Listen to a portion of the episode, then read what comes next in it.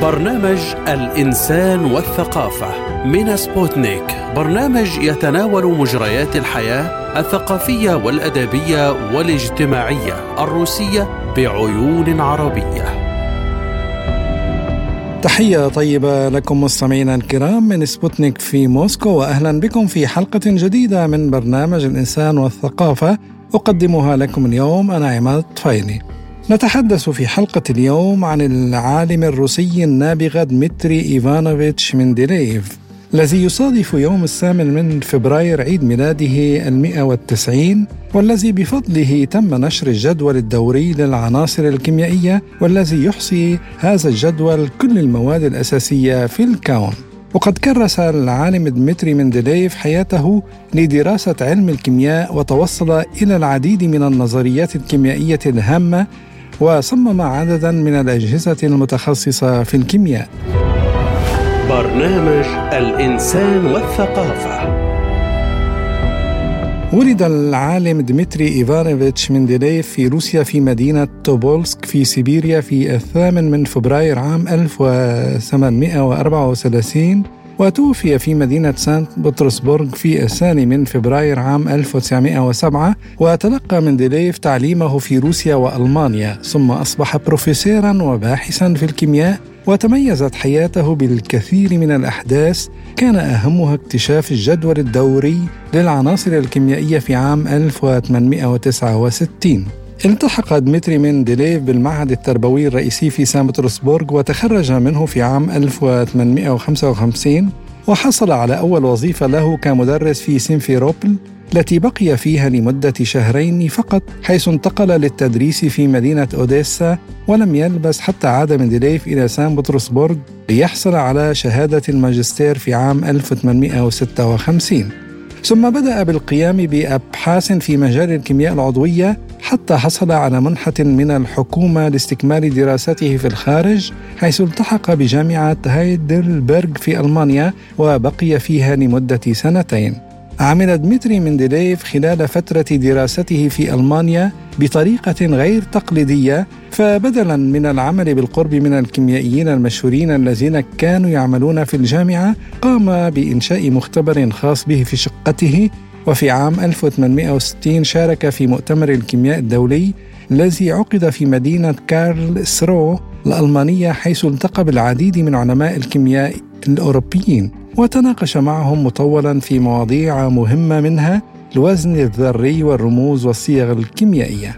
عاد مندليف إلى سان بطرسبورغ عام 1861 وحصل هناك على درجة الأستاذية من المعهد التقني عام 1864 وبعد نجاحه في مناقشة رسالة الدكتوراه في عام 1865 عين أستاذا لتكنولوجيا الكيمياء في جامعة سانت بطرسبورغ ثم أصبح أستاذا في الكيمياء العامة 1867 واستمر بالتدريس فيها حتى عام 1890 أنهى مندليف عمله من جامعة سان بطرسبورغ واستمر في تطبيق نظرياته حتى توفي وتوصل العالم دمتري مندليف خلال حياته إلى العديد من الإنجازات الهامة في مجال الكيمياء حيث ألف واحدا من أشهر الكتب في مجال الكيمياء وهو كتاب مبادئ الكيمياء وقام بوضع جدول الدوري للعناصر الكيميائية وعمل على تطويره حيث اكتشف وجود تشابه في الخصائص الكيميائية مع زيادة الوزن الذري لعناصر المجموعة الواحدة. لم تقتصر إنجازات مندليف على أعمال نظرية في الكيمياء حيث ساهم في كثير من الأبحاث العملية وخاصة فيما يخص الاقتصاد الوطني في روسيا بما في ذلك أبحاث حول إنتاج البترول الروسي وصناعة الفحم والأساليب الزراعية المتقدمة كما عمل كمستشار في قضايا كثيرة تنوعت مواضيعها من أنواع البارود الجديدة إلى التعريفات الوطنية. استمر مندليف بالأنشطة العلمية حتى بعد تركه للتدريس في عام 1890 حيث ساهم في موسوعة بروك هاوس الجديدة كما عين في عام 1893 مديرا للمجلس المركزي الجديد للأوزان والمقاييس في روسيا بالإضافة إلى أنه أشرف على طبعات متعددة من كتابه مبادئ الكيمياء. برنامج الإنسان والثقافة. وللإضاءة أكثر على هذا الموضوع إليكم ما يقوله لبرنامجنا البروفيسور في معهد التكنولوجيات الكيميائية الدقيقة تابعة للجامعة الروسية للتكنولوجيا مشعل خداج. في البداية أود أن أتوجه بالشكر إلى إذاعة سبوتنيك على دعوتي إلى المشاركة في هذه الحلقة الخاصة عن الكيميائي الروسي الشهير دمتري مندليف ولد مندليف في 8 شباط فبراير عام 1834 في مدينة توبولسك وهو الابن السابع عشر في أسرته. بالتالي في مثل هذا الوقت قبل 190 عاما رأى النور. وكان قد توفي والده وهو في الثالثة عشر من العمر. وانتقلت أمه إلى العاصمة سانت بطرسبورغ بهدف إدخاله إلى جامعة تلك المدينة. وهذا ما نجحت في تحقيقه. لكنها وبنفس مطمئنة فارقت الحياة بعد أسبوعين فقط من التحاقه بالجامعة. بعدها كرس مندليف نفسه للعلوم فأنهى الجامعة بامتياز حصل بموجبه على الميدالية الذهبية وهو ما زال في الواحدة والعشرين من العمر.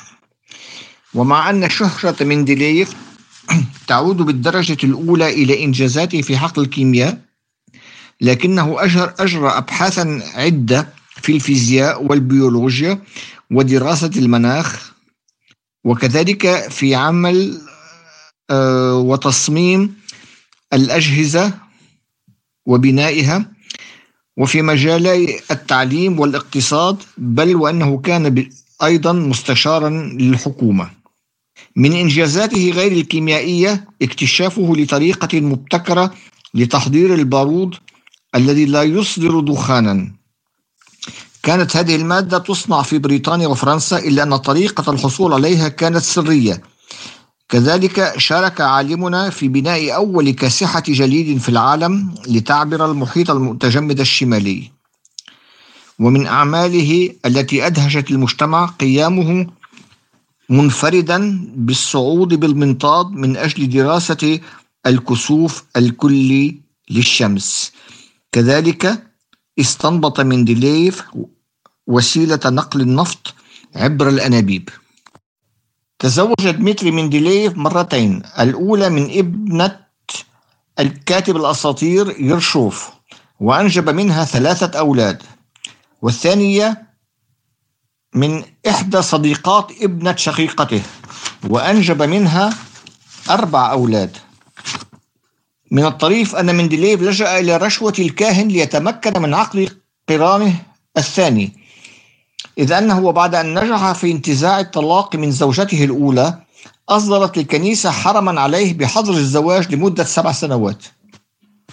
لم ينقطع مندليف عن أسرته الأولى بعد زواجه الثاني مما ساد اعتقاد أن له زوجتين وهو ما جعل من الصعب تقبل وجوده في المجتمعات وعندما نصح الأمبراطور ألكسندر الثالث بعدم استقباله لهذا السبب أجاب صحيح أن لمندليف زوجتين لكنه بالنسبة لي مندليف واحد لا يتكرر. على الرغم من علاقاته الشائكة مع النساء بقي مندليف ابا ممتازا ويشهد على ذلك أنه وهو في الطريق إلى بريطانيا العظمى للمشاركة في قراءات فاراداي وكان أول عالم روسي يدعى إلى هذه الفعالية التي كانت تعتبر بمثابة الأوسكار لدى العلماء. تلقى برقية تفيد بمرض أحد أولاده فاتخذ رأسا قرارا بالعودة إلى بلاده. وفيما إذا كان المجتمع العلمي الروسي قد أعطى مندليف حقه فيما أنجزه من اكتشافات يقول الدكتور مشعل خداج. لم يعطي المجتمع العلمي الروسي مندليف حقه على الرغم من أهمية اكتشافاته. فقد فشل في الحصول على لقب عضو في أكاديمية العلوم الروسية. كذلك ورغم ترشيح العلماء الأجانب له ثلاث مرات متتالية في السنوات 1905 و1906 و1907 إلى جائزة نوبل لكنه لم ينلها. ولربما كان السبب في ذلك الخلاف القائم بينه وبين الأخوين نوبل. لكن جامعتي كامبريدج وأكسفورد منحتاه درجة الدكتوراه إضافة إلى انتخابه عضوا في أكاديميات أجنبية في روما وباريس والسويد وتشيكيا وبلجيكا وغيرها. في سنواته الأخيرة عمل مندليف بشكل كثيف في مجال تطوير الصناعة والاقتصاد في روسيا وتصدى بحزم لطفيلية الرأسمال المضارب. ووصل الأمر أنه في فترة تولي وزير المالية الشهير فيتي لم يكن لأي قرار في مجال الصناعة والتجارة أن يمر دون أن ترافقه شهادة خطية من من من مندليف. هذا وكان لمندليف ولع خاص بإنتاج وتحضير الحقائب والشنط وكذلك تحضير إطارات الصور وتجليد الكتب. إذا كان هو متعدد النشاطات. وعن أبرز إنجازات مندليف يقول البروفيسور خداج يطيب لي ككيميائي أن أتحدث عن إنجازات متر مندليف في هذا الحقل من العلوم. لا شك أن اسم مندليف يرتبط بالدرجة الأولى بالجدول الدوري للعناصر الذي يحمل اسمه. ومع أن مندليف لم يكن أول من وضع هذا الجدول فقد سبقه إلى ذلك نيولانس وماير وغيرهم. لكن إنجازه كان في تقديمه لتعريف الدورية periodicity وعلى أساسها وضع الجدول للعناصر. فقد ترك مندليف خانات فارغة لعناصر لم تكن مكتشفة بعد. وبفضل استخدام دورية الجدول بات بالإمكان التنبؤ بالخصائص الفيزيائية والكيميائية للعناصر غير الموجودة بعد فيه.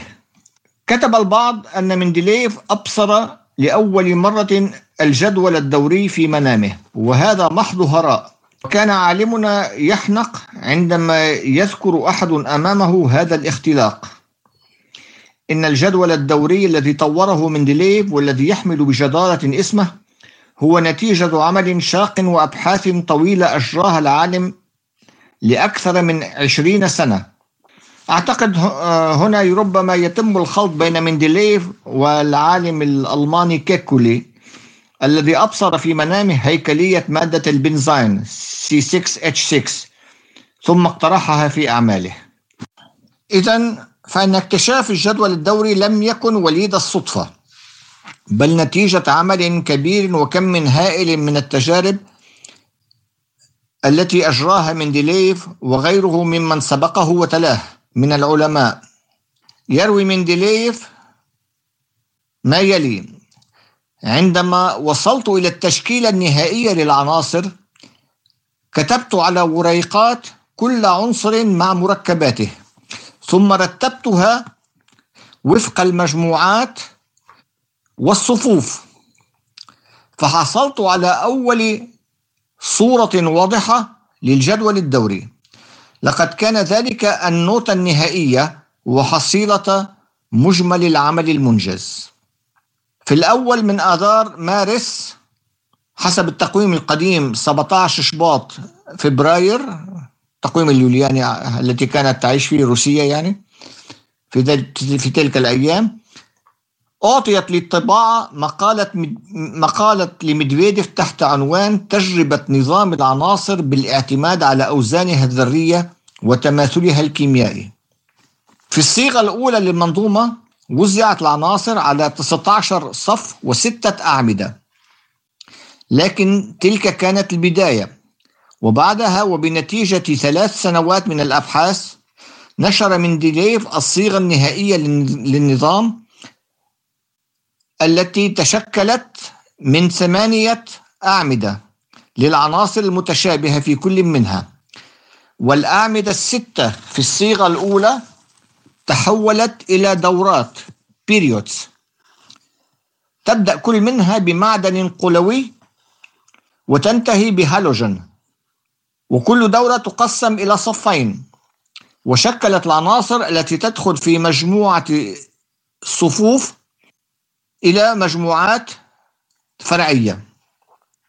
وفحوى اكتشاف مندليف يكمن في أنه مع ازدياد الكتلة الذرية للعناصر الكيميائية فإن خصائصها تتغير ليس بصورة رتابية بل دورية. فبعد مجموعة معينة من العناصر المتباينة الخصائص والمدرجة وفق ازدياد كتلتها الذرية تعود الخصائص إلى التكرار. إن الفارق بين أعمال مندليف عما سبقه أنه وضع في أساس تصنيف العناصر الاعتماد على خاصتين وليس على واحدة. تلك الخاصتان كانتا الكتلة الذرية والتشابه الكيميائي. هكذا ولكي يتم التقييد التام بدورية العناصر الكيميائية قام مندليف بتصحيح الكتل الذرية لبعض العناصر. ووضع, ووضع بعض العناصر في أماكن غير تلك التي كان معتبرا أنها تتواجد فيها تاركا في الجدول مربعات فارغة حيث افترض أنه ستتواجد فيها عناصر لم تكن مكتشفة بعد. وكان مندليف على قناعة ليس فقط بوجود عناصر غير معروفة حتى تاريخه ستشغل مستقبلا هذه الفراغات بل وأنه تنبأ مسبقا بخصائص تلك العناصر. وخلال السنوات اللاحقة تأكدت تنبؤات مندليف هذه باكتشاف عناصر الجاليوم والسترونشيوم والجرمانيوم. كما مما شكل انتصارا مبينا للنظام الدوري. وعن أشهر العلماء الروس في الكيمياء الحاليين المشهورين يقول البروفيسور مشعل خداج بالنسبة للعلماء الروس الآخرين يمكن القول أن روسيا أنجبت العديد من الكيميائيين ذوي الشهرة العالمية ومنهم على سبيل المثال لا الحصر ألكسندر بوتليروف وضع أسس نظرية البنى الكيميائية Theory of Chemical Structures. ألكسندر أوبارين الذي نظر درس نظريات منشأ الحياة من خلال بيوكيمياء التطورات المادية في النباتات وتفاعلات الإنزيمات. إليا بريغوجين الذي درس النظم المعقدة Complex Systems. سيرجي ليبديف مكتشف الكاوتشوك الاصطناعي بوليبوتاديين. polybutadiene synthetic rubber وهناك ثلاثة نيكولايوات. آه، نيكولاي سيميونوف الحائز على جائزة نوبل في الكيمياء تقديرا لأعماله حول آلية التحولات الكيميائية Mechanism of Chemical Transformations. نيكولاي كورناكوف رائد التحليل الفيزيوكيميائي. ونيكولاي زيلينسكي أحد واضعي نظرية الحفز العضوي Organic Catalysis. ومع الأهمية الكبيرة لكل ما قام به هؤلاء وغيرهم من الكيميائيين الروس يبقى ديمتريديف يتبوأ قمة الصدارة بين مشاهير الكيميائيين ربما ليست فقط الروس بل غيرهم في العديد من الأواسط العلمية. استمعنا إلى البروفيسور في معهد التكنولوجيات الكيميائية الدقيقة التابعة للجامعة الروسية للتكنولوجيا في موسكو مشعل خداج. برنامج الإنسان والثقافة. وإلى أخبار ثقافية روسية متفرقة. متحف مدينة نوفغراد الروسية مستعد لترميم الأيقونات السورية. أعرب المتحف الوطني في مدينة نوفغراد الروسية عن استعداده لترميم الأيقونات وغيرها من آثار الحضارة المسيحية في سوريا. وقال مدير عام المتحف العضو في الجمعية الفلسطينية الإمبراطورية الأرثوذكسية سيرجي بريون في مؤتمر قراءات عيد الميلاد نعمل الآن على تحقيق مشروع من شأنه نقل آثار الحضارة المسيحية السورية إلى نوفغراد الروسية من متحف دمشق الوطني والقيام بترميمها محلياً. وأضاف قائلا لدينا خبراء أصحاب كفاءة كبيرة في ترميم الأيقونات باستطاعتهم إنجاز هذا العمل. وبعد الانتهاء من ترميم الآثار ستتم إعادتها إلى سوريا. وقد أشاد الخبير بمساعدة متحف الإرميتاج في بطرسبرغ والدور الشخصي الذي لعبه مدير الإرميتاج ميخائيل بيوتروفسكي في ترميم آثار تدمر. يذكر أن متحف الإرميتاج في بطرسبرغ ومتحف عمان الوطني وقعا في منتدى بطرسبرغ الثقافي الدولي اتفاقية سيقوم الجانبان بموجبها بترميم حوالي 200 أثر تاريخي من سوريا بما في ذلك أثار تدمر. ولم يستبعد ميخائيل بياتروفسكي أن المتخصصين من عمان سيشاركون أيضا في المشروع الروسي السوري المشترك الخاص بترميم قوس النصر في تدمر. أما معهد التاريخ المادي في بطرسبرغ ومتحف الإرميتاج فقد وقعا مؤخرا اتفاقية إنشاء متحف القرن الواحد والعشرين في منطقة تدمر التاريخية. وإلى خبرنا التالي بوتين وحدة المواطنين تبعث على الدهشه وتحمل بشائر النصر. قال الرئيس الروسي فلاديمير بوتين إن مساهمة المواطنين الروس بنشاط في جمع الأموال والتجهيزات ومساعدة الجنود على الجبهة تدلل على وحدة المجتمع وتبشر بالنصر الأكيد. وأعرب الرئيس الروسي عن ثقته في النصر خلال منتدى كل شيء من أجل النصر الذي عقد في مدينة تولا وقال بوتين خلال جلسة الحوار سمعت بأن مبلغ 11 مليار روبل جمعته الجبهة الشعبية في منطقة إيركوتسك خلال عام ونصف. الأمر لا يتعلق بالمبلغ بقدر ما هو مهم أن ترى الناس يذهبون ويقدمون ما باستطاعتهم حتى ولو القليل لدعم رجالنا الذين يخاطرون بحياتهم. وشدد الرئيس بوتين على أن هذا دليل على وحدة المجتمع الروسي ووحدة روسيا البلد المتعدد الجنسيات والطوائف واللغات. هذا الاهتمام المشترك بمستقبل البلاد هذا المشهد الصادم يبعث على الدهشة. وأضاف هناك شيء ذو مغزى في هذا كله وهو أنه يضمن بوثوق تام انتصار روسيا.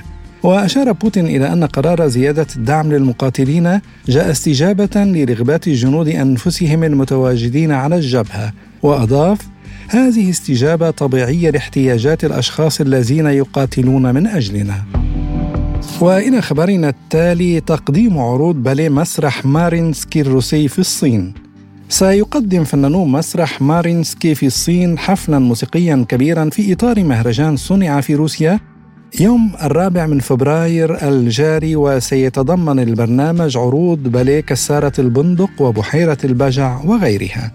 وستقام العروض على خشبة مسرح داليان الكبير في محافظة لياونينغ وأفادت الخدمة الصحفية لمسرح مارينسكي بأن الفنانين والفنانات يكاترينا كونداوروفا وأكسانا سكوريك وريناتا شاكيروفا ورومان بيلياكوف وفيليب ستيبن وروسلان سينيوشكين سيمثلون الفن الروسي في الصين وسيشارك في الحفل الكبير كذلك فنانو مسرح ياكوبسون للباليه والطلاب في أكاديمية فاغنوفا للباليه أما برنامج الأمسية الموسيقية فيتضمن باليه كسارة البندق وبحيرة البجع من تأليف بيوتر تشايكوفسكي وأوبرا شهرزاد لنيكولاي ريمسكي كورساكوف وستتم العروض برفقة الأوركسترا السيمفونية الصينية التي يقودها المايسترو الروسي فاليري أوفيانكوف. ويذكر أن الحفل الكبير في مسرح داليان سيلعب دور نقطة الانطلاق للتبادل الثقافي بين روسيا والصين والذي سيجري عام 2024 لأول مرة الأسطورة التيلة على خشبة المسرح الوطني في جمهورية توفا الروسية سيتم عرض المسرحية المستوحاة من رواية الكاتب الروسي يفغيني زمياتين التيلة عن حاكم الهون الأسطوري التيلة لأول مرة في جمهورية توفان الروسية وبلغة التوفان. وأعلنت الخدمة الصحفية للمسرح أن العرض الأول للمسرحية يخطط له في فبراير أو مارس المقبل في مسرح الموسيقى والدراما الوطني بلغة التوفان. وقال الناطق باسم الخدمة الصحفية للمسرح لأول مرة يقوم المسرح الوطني للموسيقى والدراما في جمهورية توفان الروسية بإعداد عرض يستند إلى مسرحية يفغيني زمياتين التيلة والعرض مكرس لحاكم الهون الأسطوري التيلة وتتطرق المسرحية إلى فترة حكمه وحياته بين عامي 434 و 453 ميلادية عندما قام بتوحيد القبائل التركية والألمانية والسلافية وغيرها. ونحن نستعد لهذا الأداء بلغة التوفان ويعمل الآن المترجم مع نص الكاتب زميات وستكون هناك أيضا ترجمة فورية إلى اللغة الروسية. ومن المخطط له أن يتم العرض الأول للمسرحية في فبراير مارس عام 2024 ومدير إنتاج العمل المسرحي هو فنان شعب لتوفا سعيداش مونجوش. يذكر أن يفغيني زمياتين أبدع في مسرحية التيلة في عشرينيات القرن الماضي ونادرا ما يتم عرض الدراما في روسيا. وجرى العرض الأخير للمسرحية عام 2021 في مسرح مدينة يوجنا سخالينسك في شرق روسيا. لقاء ثقافي روسي بحريني في المنامة يؤكد على دور الموسيقى في تقارب الشعوب. في حفل كامل العدد قدم المؤلف الموسيقي البحريني وحيد خان مجموعة من ألبومه العودة إلى الحياة بمشاركة أوركسترا بطرسبورغ الكلاسيكي وأكد على دور الفن في تقارب الثقافات والشعوب. يأتي ذلك في إطار مهرجان ربيع الثقافة في نسخته الثامنة عشرة المقام في الفترة من يناير وحتى مارس 2024 والذي تتلاقى فيه الثقافات والفنون المختلفة بمكان واحد في تجسيد منطقي لموقع مملكة البحرين الجغرافي الاستراتيجي كملتقى لثقافات الشرق والغرب وكذلك لهويتها المتنوعة الجامعة لكثير من الجنسيات على أرض الجزيرة. وقد أقيم حفل مؤلفات وحيد الخان في المسرح الوطني للبحرين في الأول من فبراير بدعم من هيئة البحرين للثقافة والآثار برئاسة الشيخ خليفة بن أحمد الخليفة وبمشاركة أوركسترا بطرسبورغ الكلاسيكي من مدينة بطرسبورغ الروسية بقيادة قائدة الأوركسترا الشابة في فيكتوريا دوبروفسكايا التي أشارت في كلمتها للجمهور البحريني إلى دور الموسيقى في تقارب الشعوب والثقافات.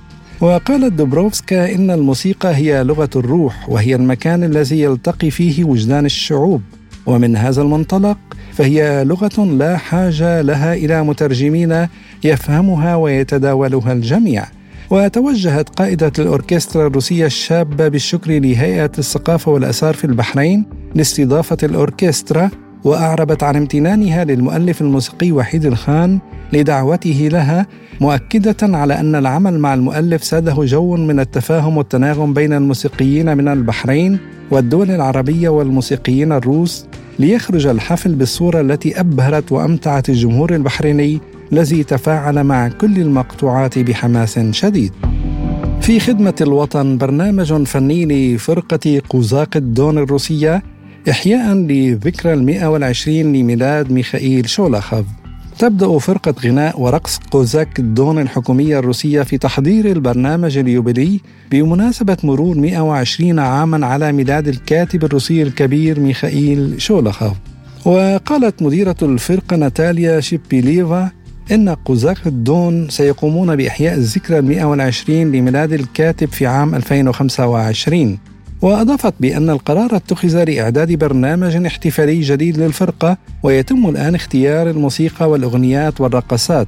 وسيكون البرنامج مسرحيا مستوحى من أهم مؤلفات ميخائيل شولوخوف وسيحمل طابعا فنيا وفولكلوريا مع العلم أن الكاتب كان خبيرا في مجال فولكلور قوزاق الدون وحسب ناتاليا شيبيليفا فإن طاقم الفرقة كله سيشارك في إعداد البرنامج وسيطلق على البرنامج عنوان في خدمة الوطن وستقوم الفرقة بعرضه خلال جولة كبيرة عبر روسيا تبدأ من منطقة أرنبورغ وتنتهي بجبال ألطاي.